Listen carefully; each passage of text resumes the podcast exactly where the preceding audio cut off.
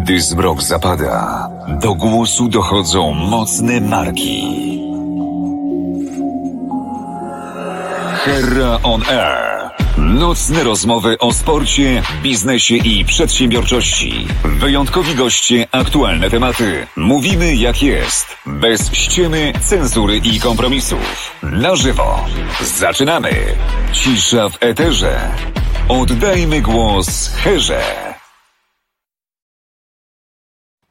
Dobry wieczór. Dzisiaj będzie tak, jak powinno być, czyli wyjątkowy goście, aktualne tematy, e, bez ściemy, cenzury i kompromisu. A tak naprawdę o bardzo mocnej marce. O chyba jednej z najsilniejszych marek, e, jeśli chodzi o świat sceniczny świata, czyli o TEDxie. Panie i panowie, waszym gościem jest dzisiaj Ewa Turek. Dobry wieczór, Ewo. Dobry wieczór, miło mi Ciebie widzieć i mam nadzieję, że nas słychać i widać. Tak, mam takie nawet przekonanie, że nas widać, e, słychać. Właściwie powiedziałem dobry wieczór, a właściwie, ponieważ ta rozmowa będzie również podcastem, to być może ktoś będzie nas oglądał rano, e, albo będzie nas oglądał w południe, albo będzie nas oglądał o innej porze, więc dla tych wszystkich pozostałych, którzy nie będą nas słuchali, właściwie nie będą nas słuchali wieczorem, to dzień dobry. To dla tych mówimy dzień dobry, tak. Ja, ale dla tych, którzy są na żywo, zachęcam do zadawania pytań po to, żebyście razem z nami współtworzyli tę audycję. Ale zanim do tego przejdziemy i do waszych pytań, to ja mam moje pierwsze pytanie, które pozwoli nam poznać naszego gościa, bo być może nie wszyscy znają jeszcze Ewę. Ewo, kim jesteś? Tak, jestem fanatykiem TEDxów, bo to jest główny temat e, i, i od siedmiu, prawie ośmiu lat już jestem nałogowym TEDow, TEDowiczem, tak można to określić. A na scenę w ogóle do TEDxu trafiłam zupełnie przez przypadek. Myślę, że później będzie okazja chwilę o tym e, wspomnieć, bo historia zaczęła się od tego, że będąc e, w Toastmasters, gdzie jak wiadomo jest to klub, który uczy publicznego przemawiania i liderstwa. Pierwszy raz wtedy usłyszałam właśnie o takiej idei TEDx. W ogóle nie wiedziałam, co to jest. E, I akurat koleżanka, która o tym opowiadała, mówiła, że to jest świetne miejsce do tego, żeby czerpać inspirację do swoich kolejnych mów. No i wtedy pierwszy raz zorientowałam się, co to jest.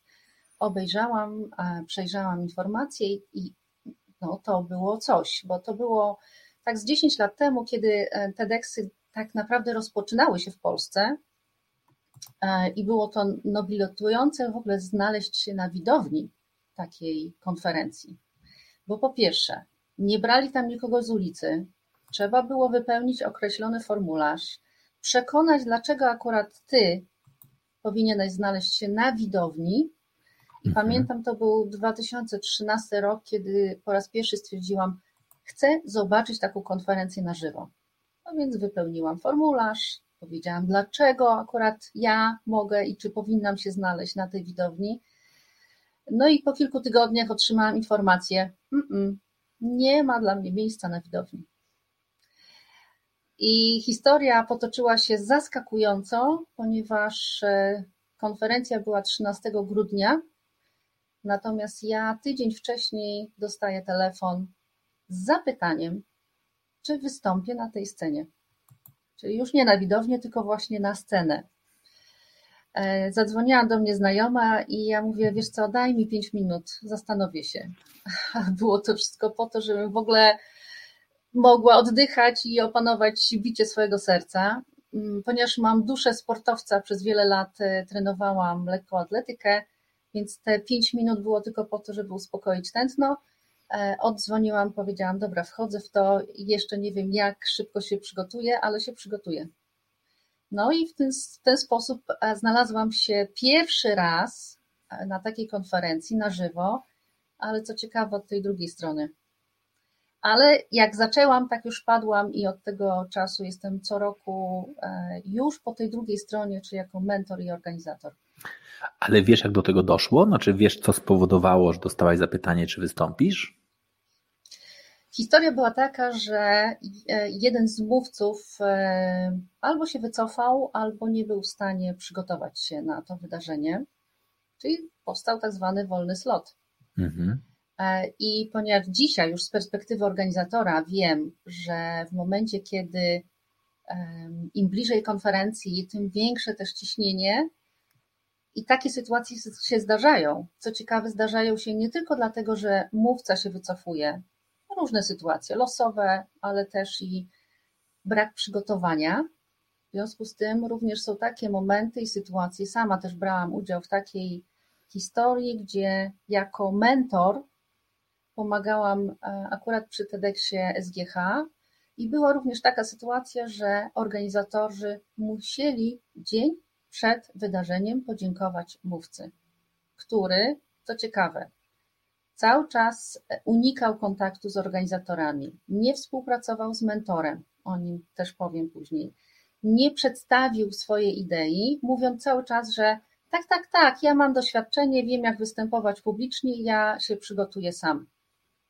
No i to, co zobaczyliśmy dzień wcześniej, w żaden sposób nie było według reguł TEDowych, nie było tam e, inspiracji, było coś, czego nie mogliśmy pokazać. Więc można stracić również swoją szansę dzień wcześniej. Okej, okay, ale jak się traci szansę swoją dzień wcześniej, to z waszej perspektywy wy wtedy znajdujecie kogoś innego, czy po prostu macie jakby tak zwaną sportową długą ławkę oczekujących, którzy też się przygotowują, mimo tego, że wiedzą, że są na liście rezerwowych i tylko liczą na to, Wiesz że co, komuś się podwieje Dzień wcześniej to już, to już nie ma szansy, żeby kogoś okay. wstawić. E, kilka dni wcześniej tak, ale dzień wcześniej już jest e, zbyt mało czasu, żeby zmieniać wiele, czyli program i nie ma czegoś takiego, że dzień wcześniej można kogoś z łapanki wstawić. nie, myślę, myślę, że to nie jest łapanka, tygodnie. myślę, że to jest taka sytuacja, w której po prostu mówisz komuś, słuchaj, szykuj się, najprawdopodobniej nie wystąpisz, ale jeżeli by się okazało, to masz być gotowy. Czyli rozumiem, że takich Jest lista rezerwowa. Jest lista rezerwowa, ale ona myślę, że już tak na tydzień do dwóch się na tyle krystalizuje, że już wiadomo e, kolejność, kto po kim i kto wystąpi. Powiedziałeś, że wystąpienie jego było przygotowane niezgodnie z regułami, też nie, nie było z regułami TEDowymi. Jakie to są reguły? Najważniejsza jest najpierw idea, którą warto propagować. I, I w ogóle to jest tak, że powstaje pytanie, dlaczego w ogóle te mowy TEDxowe są tak popularne, że jak ostatnio sprawdzałam na oficjalnym profilu e, YouTube'owym, czyli TED Talks, jest 13 milionów subskrybentów. Bo tam są wrzucane wszystkie te nagrania, które są z różnych konferencji, które są na licencji właśnie TEDa. I teraz myślę, że właśnie odpowiedzią jest to, że z jednej strony są bardzo ścisłe reguły, które taki organizator konferencji musi mieć świadomość i wypełnić. Po drugiej stronie e, osoba czy organizacja, która ma tą licencję i ma prawo w ciągu roku zorganizować taką lokalną konferencję, musi się dostosować do tych reguł. One są bardzo rozpisane, każdy może je przeczytać, każdy może zajrzeć na stronę TED.com i stwierdzić, czy jest w stanie podołać tym wyzwaniom. Ale myślę, że na końcu jest właśnie ta mowa i inspirowanie ludzi po to, żeby, no, krótko mówiąc, zmieniać świat, bo są to mowy, które jeżeli są popularne, to, to, to są miliony, 60 milionów osób, które obejrzało na przykład takie wystąpienia, to to jest ogrom. Nie da się przekonać namówić 60 milionów, żeby obejrzeli, bo może tam jest coś ciekawego. To musi być ciekawe. I teraz od razu też taki sygnał dla wszystkich, którzy myślą albo marzą, żeby kiedykolwiek znaleźć się na scenie, to dla organizatora najpierw jest idea, a dopiero za nim jest człowiek, jego historia, jego doświadczenia, jego chęć wystąpienia. Sama chęć wystąpienia na scenie TEDxowej jest na, naprawdę na końcu. Czy wiesz, kto w Polsce jest, że tak powiem, najbardziej popularnym e, TEDxowym speakerem? Czy też czyja mowa ma największą ilość obejrzeń? Tego nie sprawdzałam, ale domyślam się, że chyba Jacek Walkiewicz. Cały czas? To jest niesamowite. Znaczy jakby to, to ciekawe, jakby, że ten, ten ale jeżeli, jeżeli dalej jest to, to wystąpienie Jacka Walkiewicza, to, to z jednej strony cudownie, bo uwielbiam Jacka, a z drugiej strony, kurczę, no, to strasznie dawno już było, no bo kiedy Jacek wystąpił? No myślę, że z 7-8 lat temu, albo i więcej. No. E, I co ciekawe, jak czytałam jego książki, on jakby wspomina właśnie to doświadczenie, to w żaden sposób nie, nie mógł przewidzieć, w ogóle nie było takiej myśli, że, że to tak się poniesie tutaj u nas w Polsce. I myślę, że podobne historie są również tych y, Brené Brown, też jak czytałam jej książki, również e, wspominała o tym, że została zaproszona na jakąś konferencję, ponieważ brała udział w różnych konferencjach, więc ta TEDxowa czy TEDowa była jedną z wielu. Ale to, co się zadziało po akurat jej wystąpieniu, to też był wybuch, podobnie jak u Jacka. E, I, I dla wielu osób, myślę, że to jest też ta legenda, która się tworzy, dla wielu osób, które później czytają właśnie takie historie, e, myślą sobie, wystąpię na czerwonej kropce i to będzie dla mnie trampolina do mojej kariery. No właśnie, czy TED warto... jest trampoliną do, do kariery? Może być, ale nie musi. To podobnie jak e, studia MBA. Mogą, ale nie muszą. Jest to zbiór różnych czynników, ale też trochę szczęścia. Dobrego przygotowania, trafienia w odpowiedni moment i czas, e, przygotowanie, czyli praca. I ja mam takie, lubię powtarzać takie określenie: szczęście sprzyja tym, którzy są przygotowani, którzy mhm. ciężko pracują. Ile czasu się trzeba przygotowywać do tego, żeby dobrze wystąpić na czerwonej kropce? Ja powiem na przykładzie akurat e, tego TEDxu dla dzieci. Od 8 tygodni młodzi mówcy pracują bezpośrednio ze swoim mentorem. A im bliżej wydarzenia, tym również są próby. Pierwsza próba, druga próba, próba generalna, po to, żeby mieć tą pewność, że idea, czyli zgodnie z zasadą e, TED-u, czyli jest tam wartość. Po drugie, młody mówca w tym przypadku e, jest sam przygotowany i przećwiczył tą swoją mowę, a po trzecie, no, wystąpił próbnie na tej scenie, żeby, żeby również się oswoić właśnie z przestrzenią, e, z emocjami, ze stresem, adrenaliną, bo jak później będzie jedno, jedyne wystąpienie, które będzie nagrane, więc nie można powiedzieć stop, pomyliłem się, zacznijmy jeszcze raz. No więc dobrze. Te, te tygodnie to, są potrzebne. To porozmawiajmy trochę o tym, e, o tych dzieciakach, które wystąpią. Mhm. E, jak rozumiem, w najbliższy weekend, tak? Nadchodzący. Tak, sobota. Dzisiaj mamy poniedziałek, więc e, w sobotę. Dzisiaj właśnie była odprawa całego zespołu, a plan już praktycznie dopięty i w sobotę 10.30 startujemy. Ile te dzieci mają lat? W tej edycji najmłodszy ma 10 lat, najstarszy 17. Jest to Dobra. druga edycja, a w pierwszej okay. najmłodszy miało 8. Jak 8 lat? Znaczy ja patrzę na swoich synów. E, e, młodszy ma 9, starszy ma 11. Czyli dokładnie są, tego 10-latka mogliby wziąć między siebie. Czy taki dziesięciolatek wychodzi świadomie na scenę?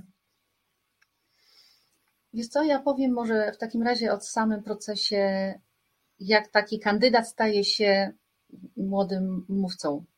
Bo, bo to nie jest tak, że przypadkowe osoby, nie wiem, często jest takie myślenie, a rodzice tutaj popchnęli i rodzice załatwili. Nie ma czegoś takiego. E, ponieważ sam proces wyglądał w ten sposób, że przez kilka tygodni był otwarty formularz, na który mogli się zgłaszać wszyscy, którzy mieli ochotę.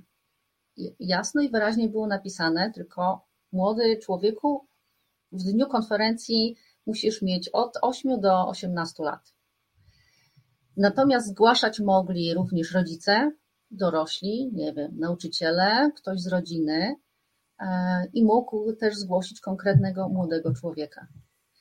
Ale dodaliśmy też, e, to nam się dobrze sprawdziło w pierwszej edycji, dodaliśmy również taki wymóg, że oprócz tego, że młody człowieku zostawiasz imię, nazwisko, dane kontaktowe i o czym chcesz nam tutaj e, powiedzieć, to jeszcze prosiliśmy, żeby nagrał 60-sekundowe wideo, czyli nagrał siebie, żeby pokazał siebie dokonał również pewnego wysiłku e, stanąć, włączyć telefon czy inną kamerę i patrząc w tą kamerę, po prostu powiedzieć do nas parę słów. I to był test dla wielu. W tym roku, w tej edycji mieliśmy już dużo zgłoszeń, więc było z czego wybierać. I później zbiera się no, zespół mentorów, kilkanaście osób i przeglądamy, zastanawiamy się, też szukamy ciekawych właśnie pomysłów. Bo nie znamy tych e, młodych ludzi, nie wiemy kim są, ale słuchamy, oglądamy i szukamy, dlaczego, czy ta idea, ta szansa na dobrą ideę w tym, co przedstawili, e, jest ciekawe i zgodne też e, z zasadami. No i cóż, później po, po takiej pracy zespołu wysyłamy, wybieramy i wysyłamy zaproszenia do tej wybranej piętnastki. No i czekamy na potwierdzenie i dopiero wówczas zaczyna się praca. Okej. Okay. Możesz spoilerować trochę? Czyli możesz powiedzieć, jakie jest na przykład, jakie są główne idee, które my będziemy mogli usłyszeć e, w najbliższej edycji? Tak, bo te idee już są wykrystalizowane po tych kilku tygodniach. Także mamy mm, Julię, która będzie, mając 13 lat w tej chwili, będzie przekonywała, że warto chodzić do psychologa nawet mając te 10, 11, 12 lat. Opowiada też o swoich doświadczeniach. Mamy też e, Martynę, która ma 10 lat i będzie nas przekonywała, że e, nuda też może być kreatywna. Albo e, Bianka, która mając 10 lat już doświadcza, tylko dlatego, że ma inny kolor skóry, doświadczyła nie tylko ona, ale też jej rodzina, hejtu E, co ciekawe, temat hejtu powtarza się, bo w pierwszej edycji również był młody człowiek, sportowiec, który mimo, że ma metr 90, to też doświadczał e, hejtu. E, kolejne, kolejne tutaj mamy propozycje. Basia będzie mówiła o tym, że inny to znaczy, że ktoś wyjątkowy. Czyli tematy są, można powiedzieć, poważne, E, ciekawe, intrygujące, ale powiem Ci, że z ust takiego młodego człowieka to ma taką siłę. E, ja pamiętam pierwszą edycję, kiedy oczywiście mhm. będąc tam na zapleczu i też znając te mowy, w momencie, kiedy dziecko wystaje, wychodzi na scenę i mając 8 lat, dostaje pytanie, czy jak to jest pomagać, a ono odpowiada normalnie. Więc czasami dziecko daje nam swoim e, myśleniem tak między oczy, że my dorośli po prostu możemy się tylko od nich uczyć. Więc nasze dzieci, te, te ośmiolatki, dwunastolatki, siedemnastolatki, oni naprawdę patrzą na nas i patrzą na świat i obserwują i mają tak samo lęki, różne też doświadczenia, ale pokazujemy również historię mm, i pokazują to też młodzi mówcy, że, że można, że warto, że samo, samo wyjście ze strefy komfortu może być wstępem do czegoś fantastycznego. Przygody, no dobrze, ale, doświadczenia. Ale, czekaj, ale ty powiedziałaś hmm. o takiej rzeczy, która mi zapala trochę czerwoną, nie tylko kropkę, ale lampkę, że hmm wy oceniacie, czy też wybieracie do, do, do grona osób, które wystąpią na podstawie idei, o której ktoś chce powiedzieć. Tak. A znaczy, to, idea a, a, jest tutaj najważniejsza. No dobra, jest dobra idea, ale jak mawiał Andrzej Wajda, z bardzo dobrego scenariusza można zrobić kiepski film. Mhm. Znaczy, że niestety można mieć genialną ideę i można ją totalnie spalić. Tak, tak. Tylko my jako organizator patrzymy na ideę, którą warto jakby wygłosić ze sceny. Natomiast, żeby ta idea była nośna i była prawdziwa przede wszystkim, to za tą ideą jest ten młody człowiek, który jakby też pokazuje, że on ma w tym swoje przemyślenia, doświadczenia, historię, czyli coś, co jest, co staje jakby w prawdzie za nim. Bo, to jaka jest rola mentora w takim razie?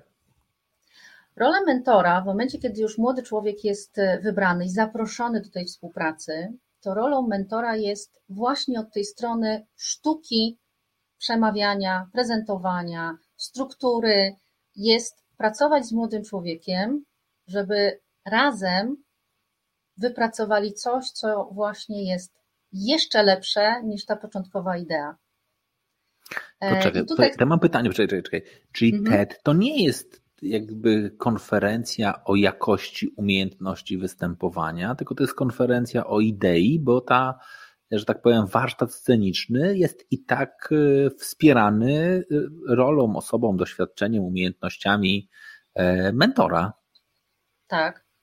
Okej. Okay. Na scenie może stanąć człowiek, który nigdy wcześniej nie stał na scenie, nie umie przemawiać, ale jeżeli ma, nie wiem, doświadczenie, przemyślenia, ideę, coś, co jest ciekawe dla wielu innych osób, to ma ogromne szanse, ma większe szanse niż ta osoba, która przychodzi do organizatora, mówi: Ja jestem profesjonalnym mówcą, mogę Wam powiedzieć o każdym temacie.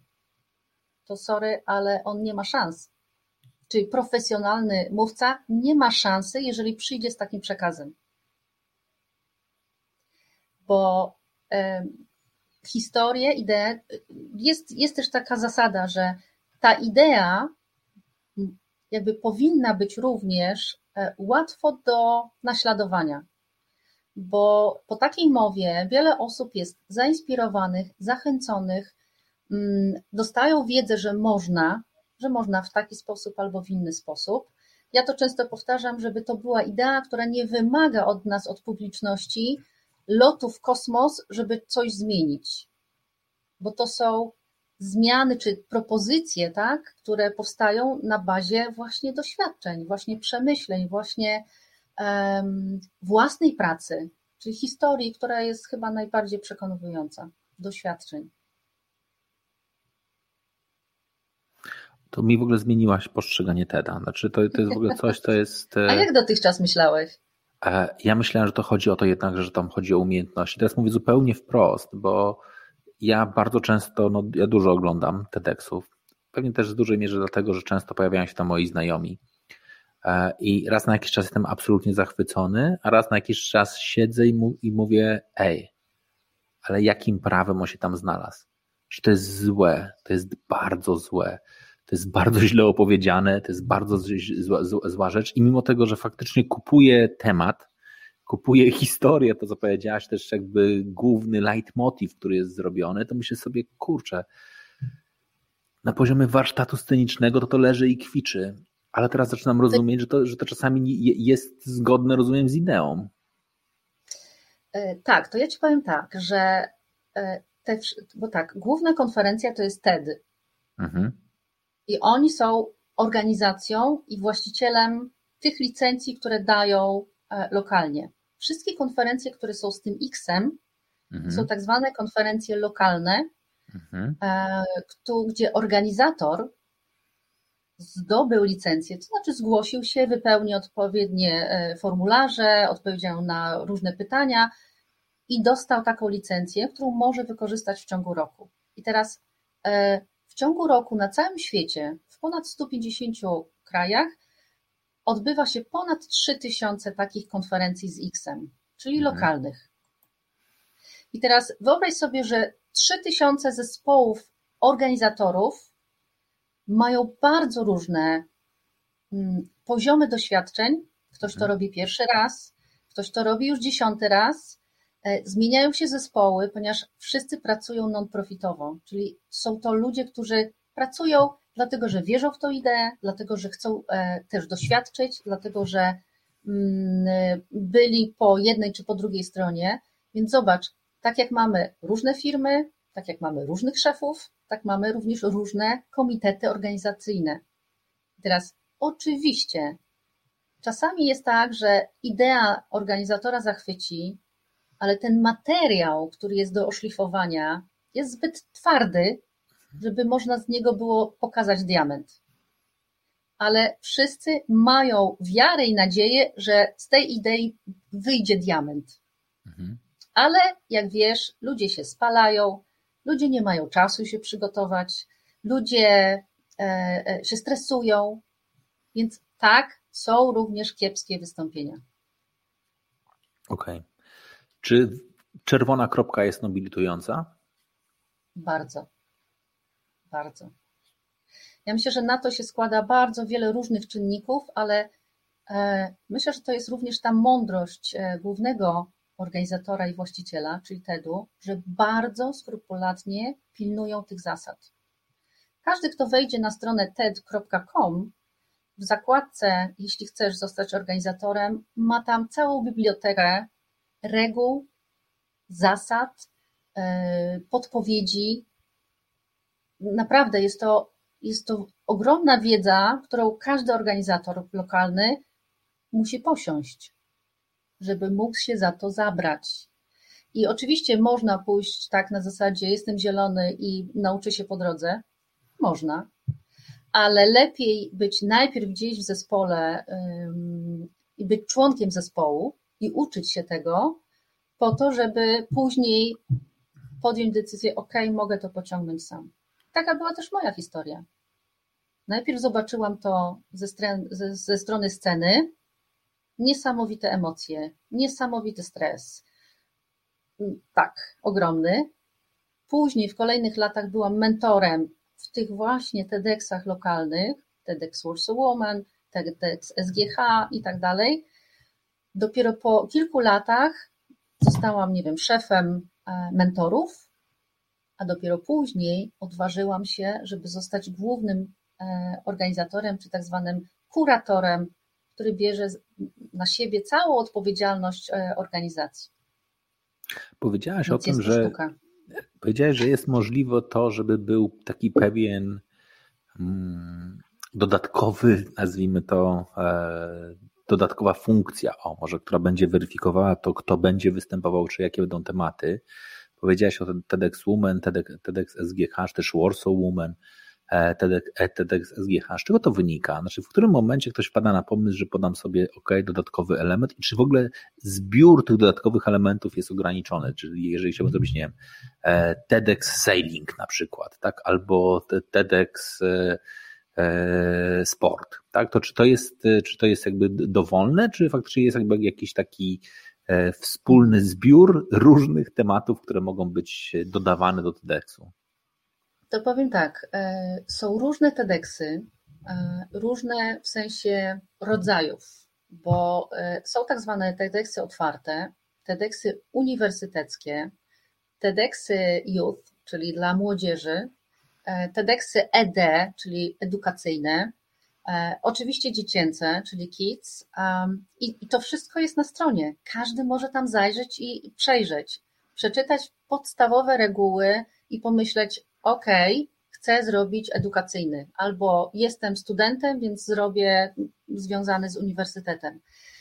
Natomiast to jest tak naprawdę dopiero wstęp ponieważ e, tak jak też od kilku lat jestem w zespole organizacyjnym TEDx Warsaw Women, mhm. to e, akurat w przypadku TED Women są co roku narzucane pewne tematy, czyli taki temat główny, przewodni, life motive.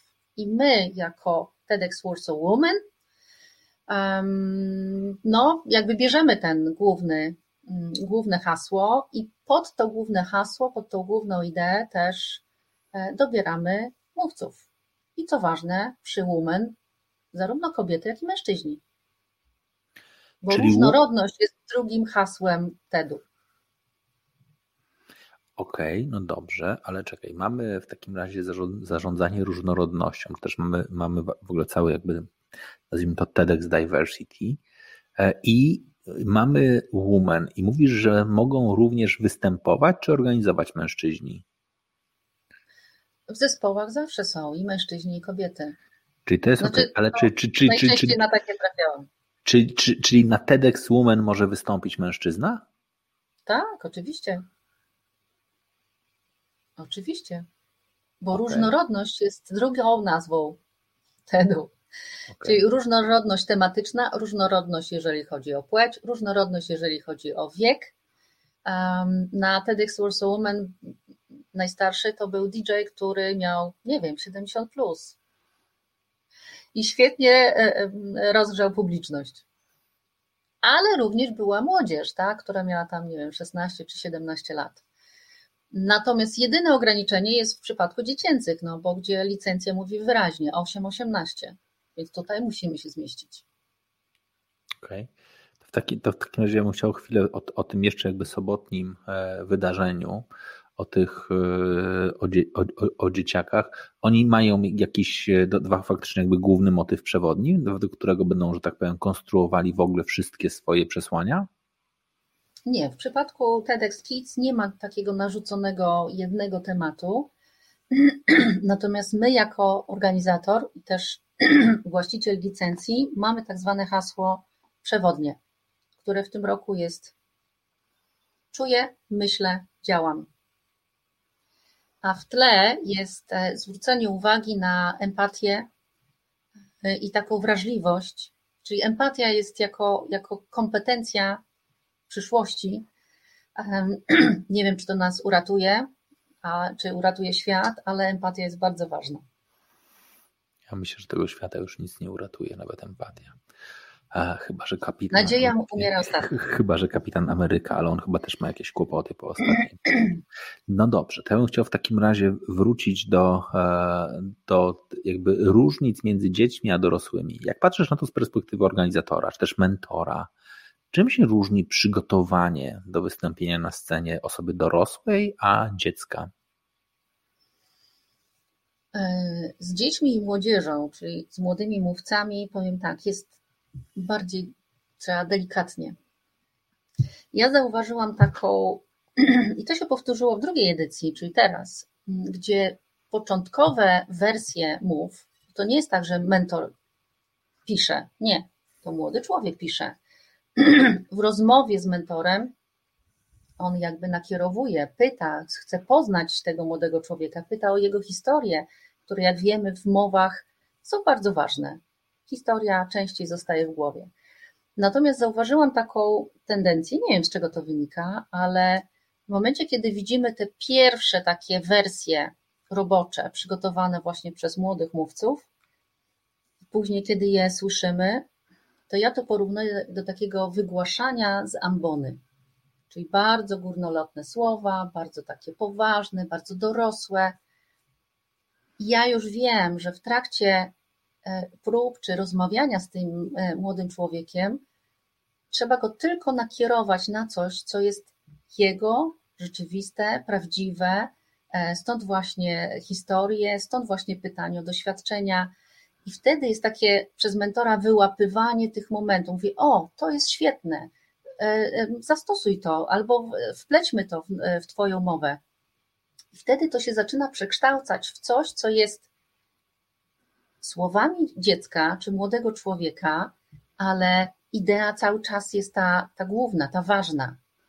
W związku z tym, później efekt finalny jest taki, że staje na scenie młody człowiek, ten 10 czy 15-latek, i on mówi swoimi słowami, ale oczywiście wszystko jest według struktury, wszystko jest według sztuki przemawiania, bo po to jest mentor, ale ta siła przekazu właśnie w zderzeniu z tym e, słownictwem młodego człowieka i często też postawą i też takim e,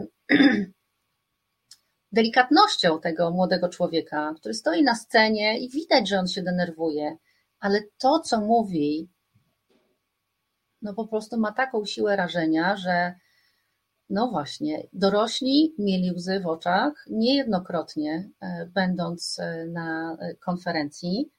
I jestem przekonana, że w tej edycji będzie tak samo. Czy tę konferencję będziemy mogli oglądać e, w sieci na żywo? Tak. Od samego początku, no wiedząc w, jakich, e, w jakim świecie w tej chwili żyjemy, funkcjonujemy, od samego początku przygotowywaliśmy tak zwaną konferencję hybrydową. Jeszcze do właściwie do piątku, kiedy rząd ogłosił, że e, mazowieckie ma nowe zasady, to mieliśmy nadzieję, że ta widownia na żywo będzie większa. Natomiast e, teraz już wiemy, że mm, widownia będzie mniejsza, natomiast wszystko to, co się będzie działo na scenie, będzie na żywo. I streaming, mm, firma, która jest przez nas też wynajęta, e, od 10.30 do 15.30 będzie można po prostu to oglądać, wszystko to, co się dzieje na żywo ze sceny. Więc e, powiem tak, jest to też, e, myślę, wyjątkowa okazja i możliwość, żeby w ogóle taką konferencję TEDxową zobaczyć, a zwłaszcza TEDx Kids. Bo jak spojrzałam na TED.com, czyli wyszukiwarkę, tam też można zobaczyć wszystkie konferencje, które dostały licencję i które się odbywają w tych wszystkich krajach. E, I wziąłam sobie Polskę, rok 2021 i wyszło mi, że jest 18 licencji w tym roku czego jedna TEDx Kids, czyli właśnie nasza. E, jest jedna też e, youth, czyli będą to pewnie młodzież, a pozostałe są dla dorosłych, e, tak zwane otwarte bądź uniwersyteckie. I teraz tak, żeby dostać się w normalnych warunkach na scenę, na widownię TEDx czy TEDx Kids, no właśnie, trzeba spełnić określone warunki, przekonać organizatora, dlaczego może się dostać, dlaczego akurat ona, nie ktoś inny. No a teraz mamy takie możliwości, sytuacje, że tak jak um, sztuki teatralne teraz się ogląda. Zasiada się ze całą swoją rodziną, e, włącza się e, streaming, e, czy najpierw się kupuje bilet, później się włącza streaming i się ogląda całą rodziną. I ja powiem tak, to jest jakby doświadczenie, którego się nie da tak po prostu powtórzyć. Doświadczenie dla każdego młodego człowieka. Myślę, że taka, taki wiek szkolny e, i, i młodzież, ale też ogromne doświadczenie dla dorosłego. Czy to jest rodzic, czy to jest, nie wiem, dziadkowie. To, to po prostu warto zobaczyć i przeżyć. Bo tu dodam jeszcze, że oprócz samych mów, czyli występów mówców, mamy całą plejadę też artystów, którzy umilają, ale też i pokazują swoje talenty e, artystyczne. Także będzie i śmiech, i zabawa. Skąd się wzięło 18 minut? Podobno przez 18 minut jeszcze jesteśmy w stanie się skoncentrować na tym, co mówca mówi. Natomiast e, te mowy TEDxowe są coraz krótsze. Czyli Zasada jest taka, no. TED, TED wskazuje, że mowa powinna mieć od 3 minut do 18 maksymalnie. I teraz patrząc na e, występy i mowy przygotowane przez mówców, mamy tak między 5 minut a 11. Naprawdę? Mhm. Ludzie schodzą już do pięciu minut? Tak, bo im krótsza mowa, tym e, łatwiej utrzymać e, uwagę publiczności, ale tym więcej pracy wymaga. Okej, okay, to prawda, ale wpleść dobrą historię, rozwinąć wątek, wprowadzić bohaterów, e, punkt zwrotny i kilka jeszcze innych elementów tworzących fajną historię, dodatkowo dodać jeszcze, nie wiem, e, przemianę bohatera, czy jeden z e, fundamentów budowania historii, no to w pięć minut naprawdę trzeba mieć albo turbo wartaż sceniczny, taki naprawdę już totalnie mistrzowski, albo mieć po prostu bardzo mocną historię. To ja Ci powiem, że mowy TEDxowe mają trochę inną konstrukcję. Mhm. Ponieważ e, oczywiście tak zwane trójki, a, a pozdrawiam Monikę. Monika jest e, w zespole organizacyjnym, e, odpowiada za właśnie tematy organizacyjne.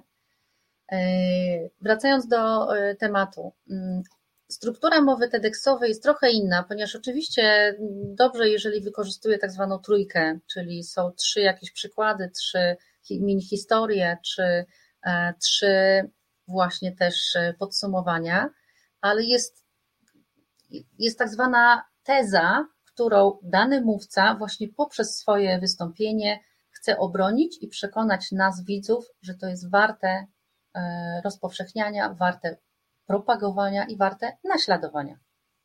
Więc trochę jest inna struktura, może właśnie na tym polega siła tej mowy TEDxowej, że ona jest trochę inna.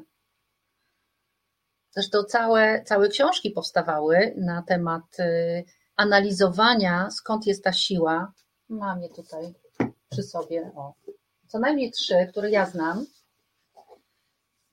Poradnik, oficjalny poradnik właśnie organizatora, ale też e, jak przemawiać jak TED, jak mówić jak TED, jak wygłosić mowę życia, też TED. Czyli gdzieś jest ta tajemnica, sukcesu. Ale czekaj, czekaj, czekaj, czekaj. Będę chciał się zacząć, bo te książki kłamią. Znaczy, przepraszam bardzo, te książki, mm. po, tym, po tym, co ty mówisz, te książki strasznie mocno kłamią, bo one dokładnie, akurat jak wygłosić mowę życia znam i ta książka nie ma tam, tam nie ma słowa o, o tym, że musisz mieć ideę, to jest absolutnie, to jest książka o warsztacie scenicznym. Okej, okay. to autor napisał to pod kątem analizowania, tak, mhm. mowy, On... które się podobały, mowy, mhm. które e, są oglądane, od mhm. strony, tak jak powiedziałeś, e, sztuki występowania. Mhm. Natomiast. E, Ale to nie o to chodzi. Ale ty, ty mówisz o tym, że to, nie, że to nie jest o tym, co jest w ogóle dla mnie, to jest dla mnie to totalne, nie. w ogóle jakby fajne zaskoczenie i to jest w ogóle coś, co jest wielką wartością, bo dziś nie będę patrzył na tych ludzi, którzy tam występują i nie będę mówił, ej, ty stary, błąd, ej, błąd, ej, błąd. Nie, to tak nie może być, to jest w ogóle skandal. Spaliłeś puentę. Jak można spalić puentę? Znaczy, jak można wyjść i tak dalej od tego, że okej, okay, rozumiem, nie chodzi o to, żeby mieć najlepszy warsztat, chodzi o to, żeby zapalać ideą. I to jest dla mnie fair. To tak. jest dla mnie absolutnie tak. fair.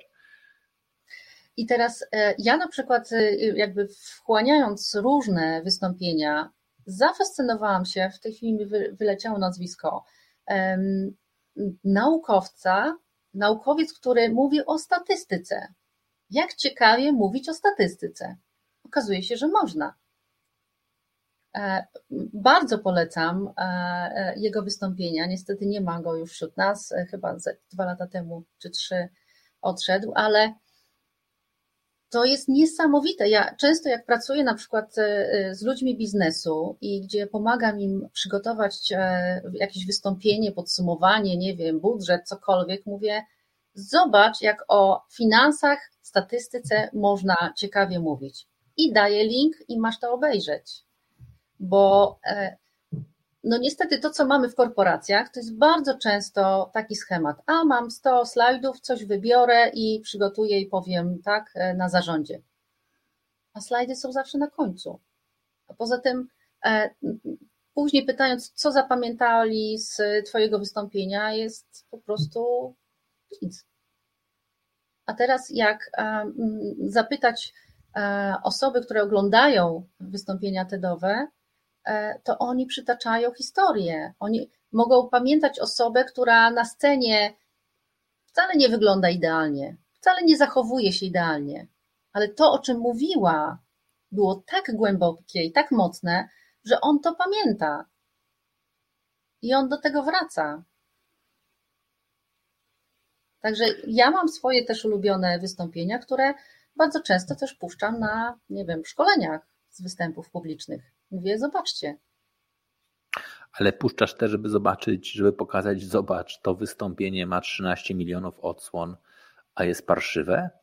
Czyli zobacz, można nie. naprawdę. Nie, no pokazuje to, co jest warte naśladowania. Okej, okay. myślałem, że, myślałem, że chcesz dać ludziom otuchę i powiedzieć, słuchaj, jeżeli to, co, jeżeli to, co masz do powiedzenia jest nośne, jest mocne i tak dalej, to dalej jesteś w stanie zebrać bardzo dużo, e, bardzo dużo ludzi, którzy będą podzielali Twoją ideę, nawet jeżeli warsztatowo to nie jest mistrzostwem, no, bo to jest taka, taka rzecz. Ty powiedziałeś, że Ty jesteś wielką fanką TEDa, czy też TEDxu.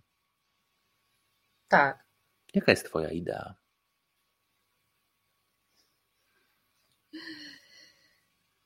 Za, zawodowo zajmuję się właśnie pomaganiem e, biznesowi, ludziom z biznesu, żeby lepiej występowali na scenie. Ja mam taką maksymę, że świadoma komunikacja to jest realny wpływ na świat. I teraz, jeżeli osoba nauczy się, bo profesjonalnym czy dobrym mówcą człowiek się nie rodzi, człowiek się staje, czyli uczy się tego. To jest sztuka, której można się nauczyć. I teraz e, można tego się nie uczyć i robić na zasadzie prób i błędów, a można też czerpać od tych ludzi, którzy to robią dobrze. Naśladować, e, próbować, doświadczać. a przede wszystkim wyciągać wnioski. I teraz dlatego tak lubię właśnie pracę z młodymi mówcami, bo oni po pierwsze są bardzo plastyczni, bardzo też chłonni, żeby się uczyć. Dla nich to jest ogromne doświadczenie. Profesjonalny mentor pracuje z nim i mu pomaga, żeby jego mowa była jak najlepsza. Teraz, e, czy oni się boją? Tak, boją się. Tak, bardzo się boją. E, ale jak ja to mówię, poszerzają swoją strefę komfortu przez takie doświadczenie. I teraz cofając się do jakby głównej e, momentu decyzji, e, część z takich młodych ludzi nagrało i wysłało swoje zgłoszenie. A inna część e, młodych ludzi pomyślało, ale nie zrobiło nic. A, bo się boję, bo nie umiem, no i tysiące różnych myśli, które my dorośli też mamy. A co dopiero młody człowiek, który nie wie w ogóle, jak to będzie wyglądało. Więc za sam fakt, że się zgłosili, już są e, brawa dla nich. Jak nie spróbujesz, to się nie dowiesz, czy dojdziesz do finału. I teraz historie, które tam są też w, w mowach, mówią również o tym, że warto próbować. Nie zawsze wychodzi, ale warto, bo może się okazać, że z tych marzeń stanie się konkretna rzecz i doświadczenie. Jeden z mówców ma taki tytuł: Zamieniaj marzenia na doświadczenia. To jaka jest Twoja idea?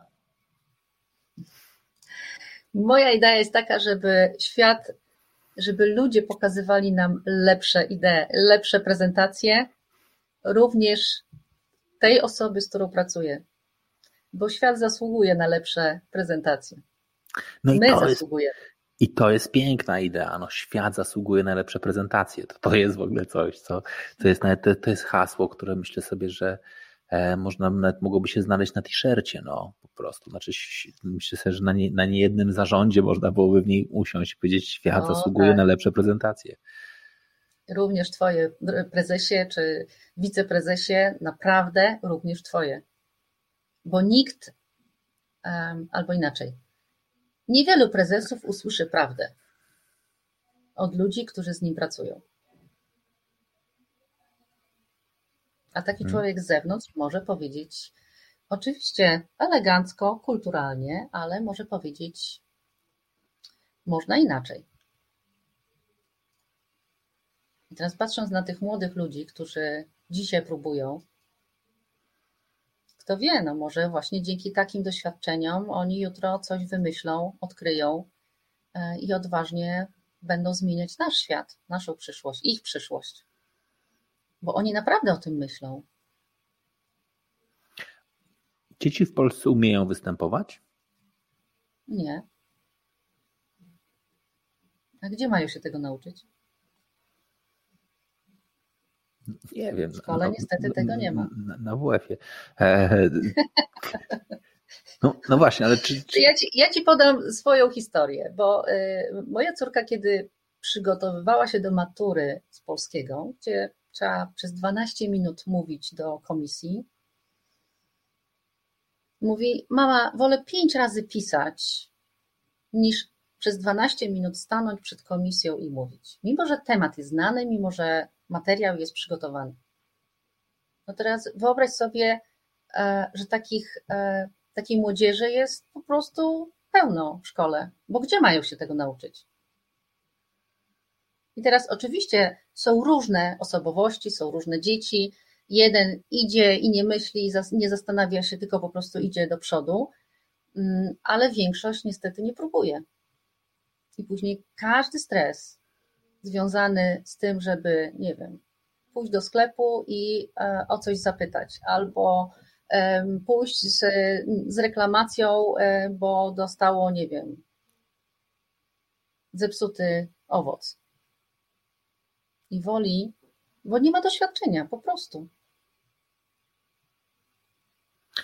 Ty powiedziałaś o bardzo ważnej rzeczy, znaczy, że z, tak naprawdę ze zdolności nazywając prezentację mechanizmem psychologicznym ekspozycji społecznej, jest związane później dokładnie gotowość na to, żeby się skonfrontować, jest gotowość na to, żeby pójść, domagać się w grzeczny, sympatyczny, przyjazny, ale jednakże stanowczy sposób swoich praw. Ojejku, to może być teraz dokładnie trochę odpowiedź na pytanie, dlaczego, pomimo tego, że wszyscy wiemy, że zdolność prezentacji jest jedną z, no, ewidentnie z kompetencji, nawet nie przyszłości, bo kompetencji teraźniejszości, e, potrzebnych po prostu w dorosłym w życiu. Być może dlaczego cały czas w systemie szkolnym nie ma na to miejsca. Ja oczywiście nie będę oceniać e, systemu, e, natomiast e, przypomniała mi się taka historia mm, opowiedziana przez znajomą, która była na wycieczce zagranicznej na statku, tak? No i mm, DJ zorganizował jakąś zabawę i trzeba było właśnie wyjść, coś powiedzieć czy zaśpiewać. I obrazek jest taki. Goście zagraniczni, czyli z zachodu, wchodzili na środek, fałszowali, ale się świetnie bawili, a polska grupa, Polacy, po prostu siedziała na końcu, żeby nikt ich e, nie zobaczył, nie wyrwał na środek. No, na tym polega brak doświadczenia, brak próbowania.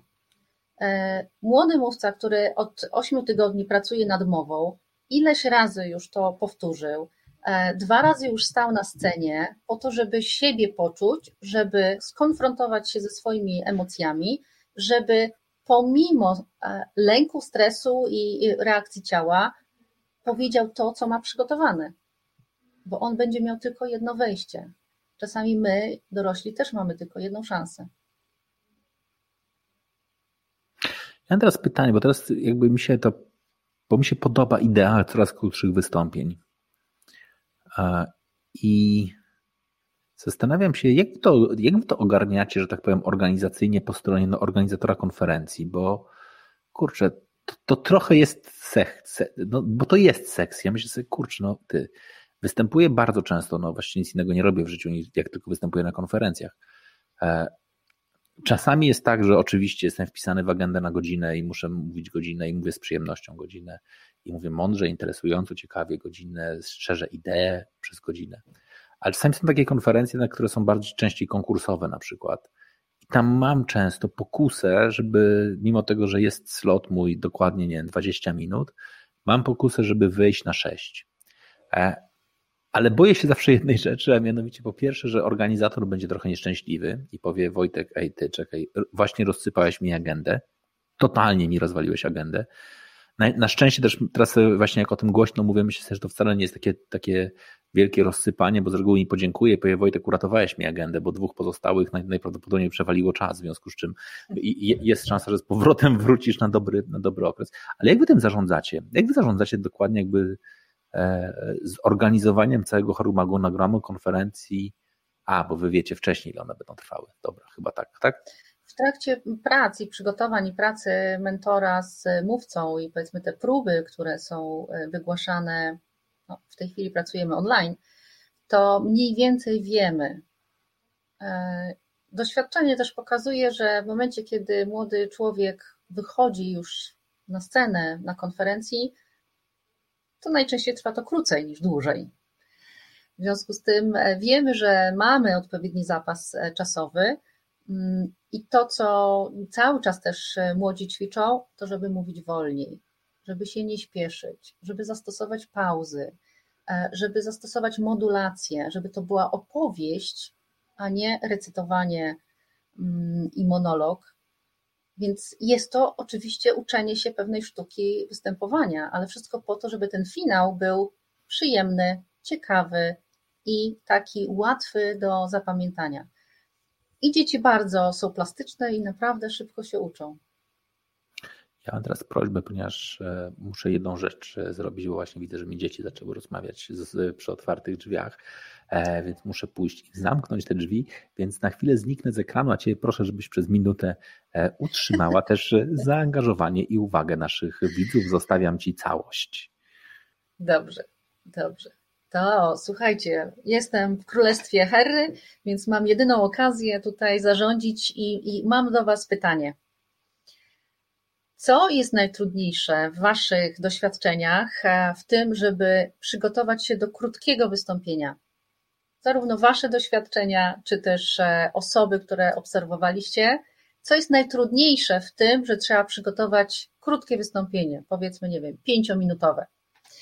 E, natomiast e, mówiąc jeszcze o konferencji, która właśnie będzie w sobotę, to chcę Was bardzo, bardzo zachęcić, żebyście oglądali to właśnie rodzinnie bo przypomniało mi się z pierwszej edycji, kiedy jeden z rodziców był z dwójką swoich synów, takich kilkuletnich, to cali podekscytowani wrócili do domu i próbowali swojej mamie opowiedzieć wszystko, czego doświadczyli, tak, e, podczas tego dnia konferencji.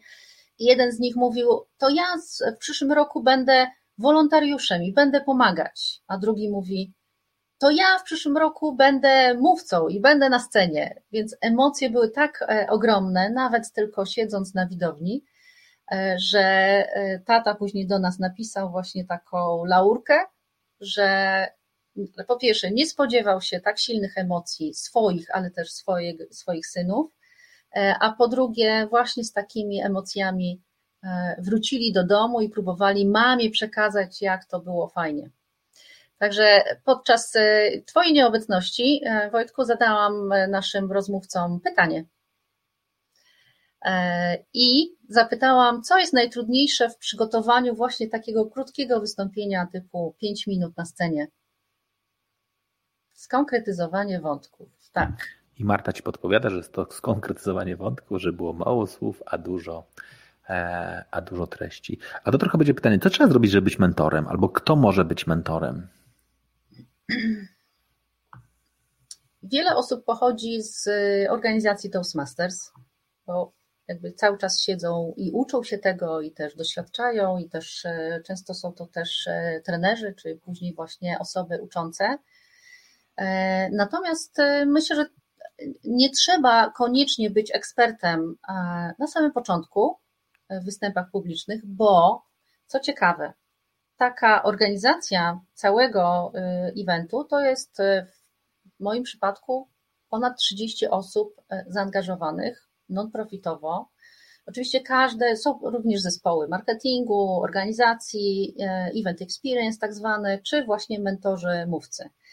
I teraz e, bardzo cenne jest w ogóle jako, jako doświadczenie bycia po stronie organizatora to, że każdy może się zgłosić mówiąc, ja jeszcze nic nie umiem, ale chcę asystować i nauczyć się przy Was. Jestem tu po to, żeby się nauczyć. I takie osoby również są. Bo y, później po takich doświadczeniach w kolejnej edycji, czy w kolejnym roku, czy w innej organizacji, jest również e, otwartość na to. Kochani, każdy z Was jest ekspertem w jakiejś tam dziedzinie.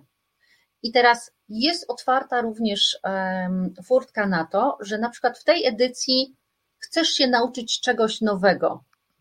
I dla przykładu, ja w poprzedniej edycji TEDx Warsaw Woman, e, ponieważ miałam już kilkuletnie doświadczenie jako mentor, powiedziałam, ok, będę jedną osobę przygotowywać, ale równocześnie chcę wziąć większą odpowiedzialność za na przykład współpracę z partnerami albo współpracę z mediami, żeby przy okazji się czegoś nauczyć. Więc jest to świetne również miejsce do tego, żeby wejść nawet jako nowicjusz, obserwować, uczyć się wspierać i pomagać, po to, żeby w kolejnej edycji już e, być na wyższym poziomie. Partnerzy lubią tę konferencję? Lubią i często jest też tak, jako, jako doświadczenie też Ci powiem, że zwłaszcza przy pracy z mediami, czyli prasa, telewizja, E, ci, którzy nie bardzo znają, powiedzmy, organizację mm, TEDxów, najpierw wychodzą z takim założeniem: e, mm, Drogi TEDxie, zapłaćcie nam za reklamę. Co oczywiście przy skromnych budżetach, które się udaje e, zebrać, najpierw jest taki proces wyjaśniania. Rozumiemy, dziękujemy, ale przy tego rodzaju organizacjach to media korzystają na tym, że podłączają się, czy też towarzyszą tak, e, organizacji TEDx e, jako partner, czy właśnie wsparcie medialne, bo marka sama w sobie TED, TEDx jest tak silna, że wiele firm, wiele organizacji chce chce być partnerem. No ale oczywiście to są najczęściej takie osoby, które gdzieś tam po drugiej stronie może nie, nie, nie kojarzą czy nie brały udziału w, wcześniej w takich współpracach. Natomiast powiem tak, w czasach przed słynną chorobą na świecie, ta współpraca była łatwiejsza z firmami, organizacjami, bo jakby to doświadczanie również na żywo i całe te mm, organizacja atrakcji dla widzów, ponieważ mniej więcej połowa to są mowy, a połowa czasu to są atrakcje. Więc jest to dzień cały wypełniony różnymi atrakcjami i również e, atrakcjami, które dostarczają właśnie partnerzy e, czy firmy konkretne. W związku z tym, podsumowując Twoje pytanie, e, marka TED i marka TEDxów jest bardzo, bardzo silna. Oczywiście w tym roku, w tej edycji było to o tyle trudniejsze, że mm, no wiele firm się zatrzymało z różnych względów, E, ale na szczęście e, e, mamy też wielu współpracowników czy firmy, które też non-profitowo z nami dostarczają swoich materiałów, czy swojej usługi, czy, czy dostarczają to, co jest potrzebne przy tego rodzaju organizacji. Także mamy świetnych partnerów w tej edycji.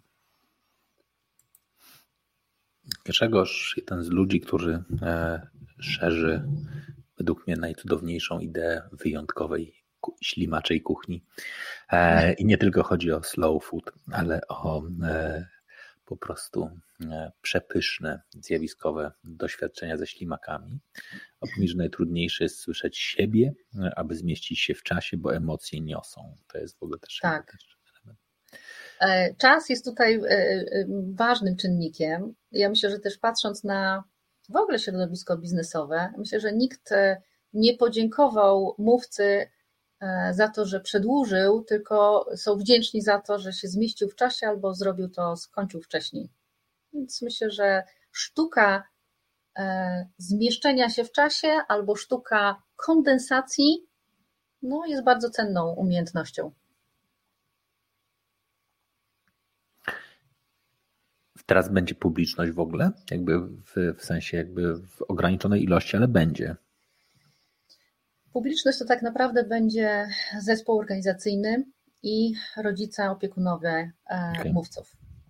Nie pytam, bo jednym z trudniejszych elementów występowania na scenie, co zresztą pokazał ten rok, ja to będę, będę bardzo często podkreślał, e, no, bądź co bądź jestem zawodowym mówcą, w związku z czym też wiem, jak zweryfikował nas rynek i osoby, które były moimi wielkimi idolami, bardzo często byli no, jednymi z najlepszych mówców w Polsce, e, w świecie COVID my się wysypali. Tak? Znaczy w momencie, w którym okazało się, że muszą stanąć dokładnie e, w wirtualnym studio na Greenboxie, mając przed sobą dwie kamery i operatora, być może przy odrobinie szczęścia prompter, z którego też nie, nie zawsze umieli korzystać, nagle okazało się, że mimo tego, że wychodzili na sceny jeszcze rok temu, czy też 15 miesięcy temu, gdzie było kilkaset, czasami kilka tysięcy, czasami kilka, kilkanaście tysięcy osób i robili takie mowy, że po prostu wyrywało wszystkich z butów, jak nagle, nie, jak nagle nie mieli przed sobą energii publiczności, po prostu, która żywo reaguje, która pokazuje, że im się podoba, która śmieje się na żarty. To jest jeden z najtrudniejszych momentów, moim zdaniem, takogoś, kto ma skonstruowaną mowę w oparciu o żarty, że wali żart i musi wyobrazić sobie, że po drugiej stronie kamery ktoś się zaśmiał, a z żartami chociażby jest tak, że no niestety one bardzo często śmieszą mniej przez telewizor, czy też przez stream niż na żywo, bo żarty są zaraźliwe, czy też śmiech jest zaraźliwy. Nawet taki, że jeżeli im się trochę nie spodobał, ale trzy osoby dookoła się zaczęły śmiać, e, no to w naturalny sposób wszyscy śmieją się bardziej. E, I pytam trochę o to, czy to, czy to nie jest dla Was, jako dla organizatorów, dodatkowy stres, tak? Że, że wystawiacie po prostu e, fajne historie młodych ludzi, na to, że być może nie będą miały takiego odbioru, wiesz, na, na tu i teraz, jak jakby mogły mieć, gdyby była publiczność na sali. To, o czym mówisz, że jedni przetrwali, się dostosowali i potrafią online, a inni nie. No cóż, e, Myślę, że to jest podobnie jak w sporcie, kiedy sędziowie czy organizacje sportowe zmieniają zasady, to mhm. jedni się na tym wybijają, a inni niestety nie. Natomiast e, wracając do, do tej sytuacji, ja myślę, że ponieważ idea TED-u jest również taka, że po konferencji mają zostać zmontowane mowy, więc one od samego początku są przygotowywane pod kamerę. I oczywiście zawsze jest, e, to jest ta empatia i neurony lustrzane, które nam pomagają, tak, czuć publiczność e, i, i słyszeć reakcje, tak, więc to jest oczywiście przyjemne. Natomiast e, od samego początku głównym bohaterem jest tutaj odbiorcą, jest kamera, ponieważ ma to być później zmontowane, wysłane do Stanów, do TED-u. Oni tam to oglądają, sprawdzają, czy nadaje się do publikacji i dopiero wtedy wrzucają na swój kanał e, na YouTubie TED Talks. Publikacja Więc, e, faktycznie jest zatwierdzona trochę... przez Stany? Tak, tak. To jest e, ja jako osoba, która złożyła aplikację na licencję, wypełniam później po zamkniętej, po zamkniętej konferencji, ja zdaję raport, wypełnia określone rubryki i później mając e, zmontowane nagrania, wrzucam wszystko na platformie e, po zalogowaniu, wrzucam filmy, wrzucam opisy i czekam. I od czasu do czasu są pytania dodatkowe. E, a co to znaczy? A dlaczego tak? Albo w opisach proszą o jakąś zmianę. Również jakby przedstawianie partnerów i sponsorów też jest ściśle określone. Czyli zobacz, oni kontrolują praktycznie cały proces, bo to, co wypracowali, im się sprawdza. Czyli ci, którzy myślą, że to jest takie łatwe i przyjemne na zasadzie, o, zorganizuję TED, TEDx, to ja od razu mówię, jest to dużo pracy i dużo nauki e, i wciąż jakby sprawdzanie z regułami. Jest jakaś, do zrobienia, ale jest... Jest jakaś rywalizacja między e, poszczególnymi organizatorami? Typu, nie wiem, ścigacie się na przykład, e, czyje mowy będą miały najwięcej e, odsłon później na TEDzie, albo kto wypuści kolejnego TEDowego jednorożca i mowę, która przekroczy 10 mhm. milionów, czy tam bilion. Są takie rzeczy? To powiem Ci tak, ja oczywiście znając polskie środowisko i tych osób, które zajmują się TEDxami tutaj w Polsce, powiem tak, jest więcej współpracy pomiędzy zespołami niż rywalizacji. Właściwie nie słyszałam o rywalizacji, bo pomagamy sobie nawzajem. Tak jak, nie wiem, pracując w tej chwili, pomagałam e, organizatorowi, który w Gdańsku przygotowuje. Podsyłałam mu kandydatów czy propozycje mentorów, tak? bo potrzebowali zwiększyć zespół. E, jak również podsyłam propozycje na mówców, więc więcej jest współpracy niż rywalizacji, a oprócz tego osoby również mieszają się pomiędzy zespołami. E, ja dotychczas brałam udział w czterech różnych TEDxach, natomiast inne osoby tak samo mieszają się, raz jest w jednym, raz w drugim, albo dzielą się swoim doświadczeniem, więc to jest taka fajna rodzina TEDxowa. Myślę, że nakręcamy się tą współpracą i Ile ideą. w takim kraju 40-milionowym jak Polska e, TEDxów rocznie? Tak jak mówiłam, w Polsce w tej chwili, w tym roku mamy 18 licencji. To, to, to, wiem, ale to jest, to jest limitowane corocznie, czy to jest po prostu tyle osób się zgłosiło? Mm, to jest tak, że każda osoba, czy organizator, czy instytucja, e, ubiegając się o licencję, w momencie, kiedy ją dostaje, ma 12 miesięcy na zorganizowanie konferencji. Po tym czasie licencja wygasa. Czy to jest tak w takim razie, że w tym roku mogą być licencje, które na przykład były, do, były przyznane w zeszłym roku, ale ktoś pomyślał sobie, tak przeniosę tę konferencję na czas postpandemiczny i się nie udało, ale, ale były takie nadzieje? Tak, tak. E, w przypadku e, drugiej edycji TEDx Kids e, Academy International, czyli tej, która za kilka dni, pierwszy termin wybrany na, na czas konferencji to był październik 2020, mhm. ale już latem wiedzieliśmy, że trzeba to przesunąć na wiosnę, więc ta licencja kończy się z końcem marca, więc dlatego 20 marca, bo potrzebujemy zdążyć przed końcem licencji, przed wygaśnięciem licencji. I teraz e, wydarzy się 20 i teraz po konferencji ja oczywiście mam jeszcze sporo pracy, żeby dopełnić licencję i wysłać filmy. Natomiast e, później mam też odpowiedni czas na to, żeby starać się o kolejną edycję. Czego się życzy występującym e, na TEDxach?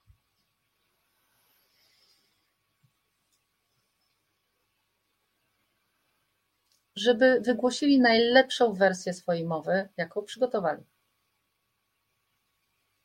Czyli opanowali emocje, e, pamiętali tekst, czyli strukturę swojej mowy, żeby zarządzili swoim ciałem, ale również, żeby się przy tym dobrze bawili. Chociaż trudno na początku, stojąc na tej czerwonej kropce, y, myśleć, że o, świetnie się bawiłem. Nie, myślę, że to raczej po, po, po wystąpieniu przychodzi refleksja, że o kurczę, fajnie było, warto było. I zostaje po pierwsze pamiątka, po drugie mnóstwo zdjęć, bo też E, zawodowi fotografowie robią zdjęcia, które później są też na e, otwartej licencji do wykorzystania, czyli doświadczenie, pamiątka i satysfakcja. To ja ze swojej strony dodam jeszcze, jeżeli słucha nas ktoś z młodzieży, na przykład przed wystąpieniem e, na najbliższym, to ja życzę, żebyście się totalnie nie spinali. Ja mogę dodać ze swojego e, skromnego bardzo doświadczenia 20 lat na scenie. Ostatnio zdobyłem taką pewnie dość ważną nagrodę, e, nagrodę publiczności na jednym z festiwalu, dokładnie festiwalu organizowanym przez Stowarzyszenie Mówców Profesjonalnych. E, no i to jest taka nagroda, która faktycznie nie jest nagrodą przyznawaną przez moich kolegów, czy też innych osób, które występują, tylko po prostu jest nagrodą publiczności, czyli tym, że tym po drugiej stronie, którzy się wystawiają i to, co mnie najbardziej bawiło, to jak już ją odebrałem, to podeszła do mnie bardzo znana w Polsce trener wystąpień publicznych, trenerka właściwie, bo to dziewczyna. Powiedziała, Wojtek, chyba będę musiała cię zabrać kiedyś na wystąpienie, bo złamałeś wszystkie możliwe reguły wystąpień publicznych, a i tak publiczności się podobało. E, I ja chyba tego Wam życzę, znaczy, żebyście nie, nie, nie spinali się właśnie za bardzo do tego, Czyli jak, autentyczność to, jak, to, jak, jak, to wystąpi, tylko żeby ta Wasza idea była nośna i żeby ta idea żyła dłużej, i żeby ta idea żyła dłużej niż to jedno wystąpienie. E, bo to jestem zakochany w ogóle w tym, co Ty powiedziałaś na początku. E, I to mi w ogóle odczarowało TEDx. Ja faktycznie niestety miałem dość średnie postrzeganie tej konferencji i kompletnie nie, nie rozumiałem, dlaczego ludzie się jarają tą czerwoną kropką. E, bo za każdym razem, czy za każdym razem, często zdarzało mi się, że trafiałem na wystąpienia, które były po prostu mizerne, jeśli chodzi o, e, o element sceniczny, ale faktycznie mądre. I sobie myślałem, kurczę, jak to jest, że taka mądra rzecz jest powiedziana w tak nieidealny sposób i mi to trochę kłóciło się z, no, z wyobrażeniem tej marki. I sobie mówiłem, ej, ludzie tak opowiadają, piszą na tych YouTubach, że jest, jest czy, na, czy na Facebookach i na LinkedInach, że spełniło się ich marzenie, że oni od 40 lat marzyli na tym, żeby stanąć na czerwonej kropce, że, że mieli na swojej bucket liście i kolejny cel, żeby kiedyś stanąć na czerwonej, na czerwonej kropce i oglądam to wystąpienie i myślę sobie, ej, ty, to jest słabe. Nie na poziomie mhm. treści, tylko na poziomie formy. I kurczę, ty mi pokazałaś, że to, że to, jest, że to jest spójne z ideą, że to, że to nie musi być idealna mowa, tylko musi być nośna mowa. A to jest fajne. Znaczy nośne mowy, ja myślę, że w ogóle po, po, potrzebuje, potrzeb, potrzebujemy noś, no, nośnych mów. Tak, tak, tak. Żeby po wysłuchaniu takiego przemówienia, takie wystąpienia, e, publiczność, czy to na, na żywo, czy ta, która zobaczy to później na YouTubie, pomyślała sobie, o kurczę, ale fajnie, ja też tak mogę, ja mogę coś zrobić e, na bazie tych doświadczeń, na bazie tego, że ktoś już to zrobił, a również na bazie historii, że e, mamy dziewczynę w tej chwili, która w ciągu kilku godzin zrobiła ankietę i przepytała 5 tysięcy e, osób. mając kilkanaście lat, a dzisiaj pokazuje, że jest to możliwe dla każdego młodego człowieka, który myśli o, nie wiem, zostaniu naukowcem. I dzisiaj pisze z panią profesor poważną pracę. E, I teraz są możliwości, są historie, są doświadczenia. Uczmy się od nich. O tym to ja w ogóle powiem, że chciałbym sobie, w ogóle nie, nie mogę się doczekać jakby soboty po to, żeby zobaczyć młodych ludzi, którzy mają misję zmieniania świata, e, zmieniania być może w swoim obszarze, na bazie swoich doświadczeń, poszerzania swojego kręgu wpływu, ale pokazywania światu, że po prostu można e, zmieniać świat. Fajnie, że to robicie. W ogóle jakby dziękuję Ci bardzo za to, że organizujesz, za to, że dzielisz się swoim doświadczeniem, za to, że też wspierasz jako mentorka e, osoby, które chcą, e, chcą wystąpić że pomagasz innym występować. To, to fajne, mam nadzieję, że dzięki temu też idea TEDxu i cały TED będzie się jeszcze bardziej tak. rozwijał. My również z tego czerpiemy, zarówno ja jako ja, ale też i, i zespół każda z tych osób e, naprawdę ma swoje wartości, też pasje, które czerpie właśnie z całej tej organizacji. Także myślę, że my też korzystamy. Dziękuję Ci bardzo, że znalazłaś czas, żeby przyjść. Wszystkich Was zachęcam do tego, żebyście e, weszli jeszcze sobie na, e, na stronę, na której możecie kupić bilet. Jeżeli nie chcę teraz przeklęcić, ale E, w opisie naszym e, macie tę stronę, czyli playflive.net łamane na hashtag, łamane na info, łamane na 42, czyli na platformie e, Playlive będziecie mogli znaleźć i kupić bilet na to, żeby w sobotę kupić sobie dobre przekąski, zdrowe, na przykład marchewki lub kalarepę. A jak ktoś woli popcorn, to może być popcorn, zasiąść wygodnie z rodziną na kanapie i zobaczyć, jak dzieciaki zmieniają świat poprzez inspirację, tak. poprzez pokazywanie, że można dodam, totalnie inaczej. Dodam jeszcze tylko jedną rzecz organizacyjną. Rzeczywiście wydarzenie jest w sobotę 10.30, 15.30, natomiast zakupiony bilet i e, transmisję będzie można jeszcze obejrzeć do poniedziałku, do północy. Także wymówka, obiad czy jakieś e, wycieczki e, można obejrzeć później. Także Czyli można obejrzeć w nocy. Można. Tak? A w poniedziałek rozumiem. Niedzielę i cały poniedziałek. A później rozumiem ściągacie, bo wysyłacie do Stanów. Tak, i to jest też jeden z elementów e, i warunkiem licencji, że te mowy nie mogą wisieć e, w internecie, czyli cały streaming nie może wisieć, bo mowy są montowane, wysyłane do Stanów i dopiero po akceptacji lądują na TED Talks na YouTubie. Dziękuję Ci bardzo. Bardzo dziękuję i do zobaczenia gdzieś kiedyś.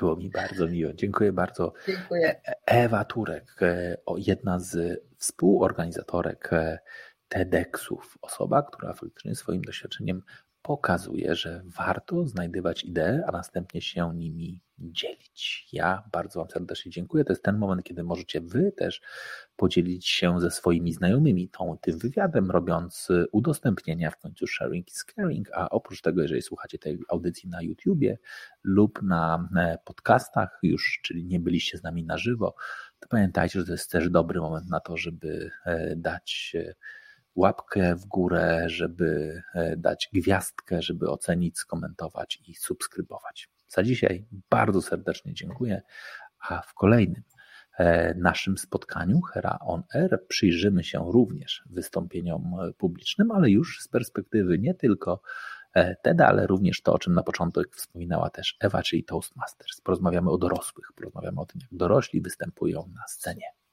Dzięki bardzo. Dziękuję.